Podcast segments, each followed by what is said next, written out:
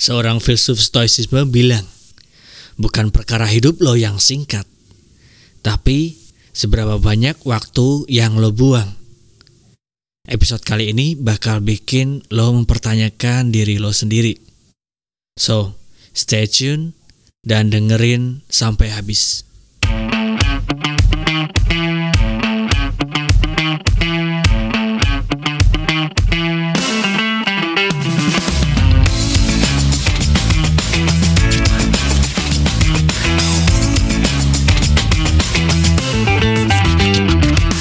Halo teman-teman, balik lagi di podcast regenerasi.id Seperti biasanya hari ini hari Minggu bersama gua Ian Akan ngebahas hal-hal seputar motivasi dan self-development.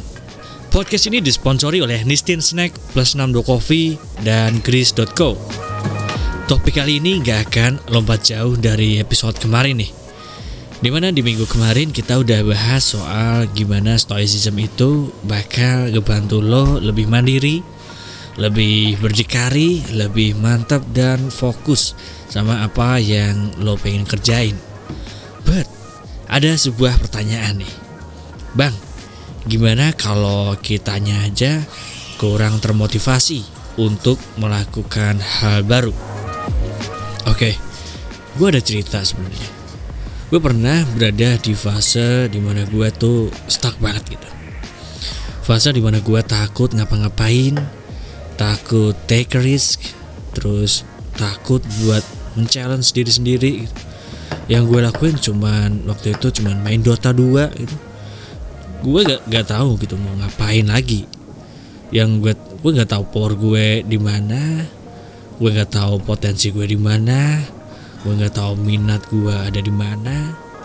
Gue nggak tahu gue mau gue mau bawa diri gue itu ke mana gitu. Gue nggak tahu sampai kapan bakal kayak gini terus gitu. Gue sama sekali blank pada waktu itu. Dan yang gue tahu itu cuma satu gitu. Bahwa gue tuh nggak lagi di situasi yang baik-baik aja. Gue sadar banget kalau gue harus secepatnya keluar dari situasi kayak gitu gitu. But di sisi lain, gue masih sama sekali nggak tahu gue harus ngapain. Setahun lebih gue menjalani kondisi yang seperti ini gitu pada waktu itu. Hingga akhirnya gue mulai mengidentifikasi apa sih gitu, yang sebenarnya bikin gue selalu takut ngelakuin apa pun gitu. Sampai akhirnya gue nemu jawabannya apa. Gitu. Ternyata gue cuma takut dianggap gagal sama orang lain. Gitu Gue takut dianggap usaha gue bakalan sia-sia. Gue takut diketawain kalau gue tuh gagal gitu. Gue takut ide-ide gue tuh dianggap sampah gitu. Gue takut pertanggungjawaban dari hal-hal itu gitu.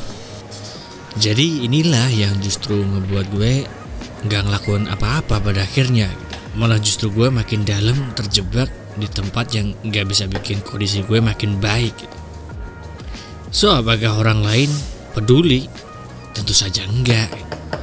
Mereka bakal tetap stay di masalah mereka masing-masing. Dari situ gue menyadari satu hal bahwa adalah buang-buang waktu ketika gue nunggu approval tentang ide-ide gue ke orang lain. Adalah buang-buang waktu ketika gue takut melakukan sesuatu hanya karena gue takut dianggap usaha gue itu bakalan gagal dan sia-sia. Gue sadar bahwa yang bisa nyelamatin diri gue ya ya diri gue sendiri gitu.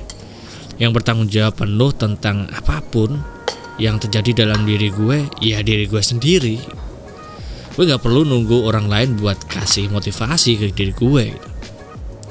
mulai dari situ gue stop buang-buang waktu gue dan gue mulai bergerak di awal tahun 2019 gue coba bikin artikel di Instagram gue datang ke tempat usaha dan kerajinan unik di Jogja. Gue tulis review tentang ambience, tentang diferensiasi produk mereka juga. Gue tulis tentang idealisme-idealisme mereka juga. Gue rangkum, gue kemas, dan ya gue post dalam bentuk majalah di Instagram gitu. Dan tetap dengan kondisi lingkungan yang masih nganggep hal itu tuh remeh gitu. Tapi di saat itu gue justru kayak udah, ah yaudahlah bodo amat gitu. Dan secara terus menerus gue bikin portofolio dengan sedikit harapan ya mungkin tulisan gue bakalan dibaca sama seseorang yang tahu potensi gue gitu suatu saat gitu.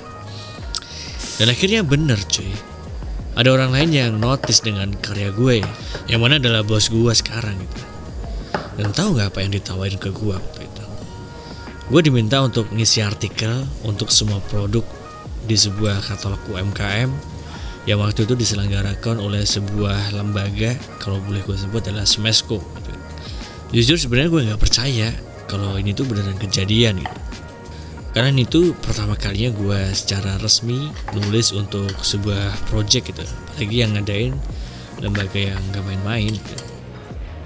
nah dan dari itu semua gue jadi punya opportunity opportunity baru yang sebelumnya gak pernah sama sekali gue gue bayangin. Dari situ nasib dan rezeki gue mulai membaik gitu. Dari hal-hal yang dianggap konyol orang lain dan ide-ide yang mungkin bagi sebagian orang nggak keren gitu. Gue dapetin hal-hal baru yang membawa gue di kondisi gue yang lebih baik gitu. sama dengan lo gitu lo juga nggak harus nunggu approval dari orang lain soal ide besar yang lo impikan lo gak harus nunggu teman lo ngasih motivasi buat diri lo stop buang-buang waktu buat itu semua waktu lo itu berharga jangan lo sia-siain untuk orang lain terus. Orang lain gak akan peduli lo menderita karena apa yang lo alamin. Tapi orang lain bakal segan ketika lo gigih sama sesuatu yang lo kejar banget. Karena dari usaha-usaha yang lo lakuin, energi lo bakal dirasain orang-orang yang ada di sekitar lo. Dan lo bakal kelihatan kalau lo itu punya purpose dalam hidup. Dan lo berjuang sampai mampus buat dapetin itu semua. Coba buat kenalin diri lo sendiri, cari tahu power lo tuh di mana, bikin portofolio sebanyak mungkin, lakuin dengan ikhlas, rendahin ekspektasi lo biar lo tuh nggak gampang kecewa, dan kenali hal-hal apa aja yang ada di bawah kendali lo dan hal-hal yang nggak ada di bawah kendali lo. Kalaupun gagal ya udah, ketahuin aja diri kita sendiri gitu. coba buat selalu berdamai dengan hal-hal yang terjadi pada hidup kita gitu.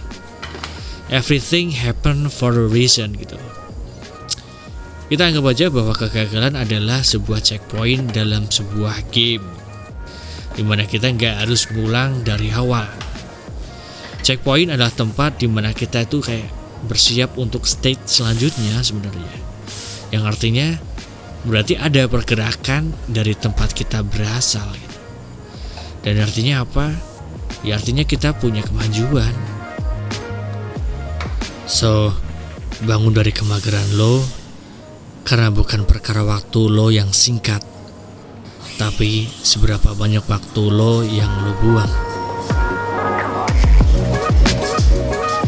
Sekian episode kali ini.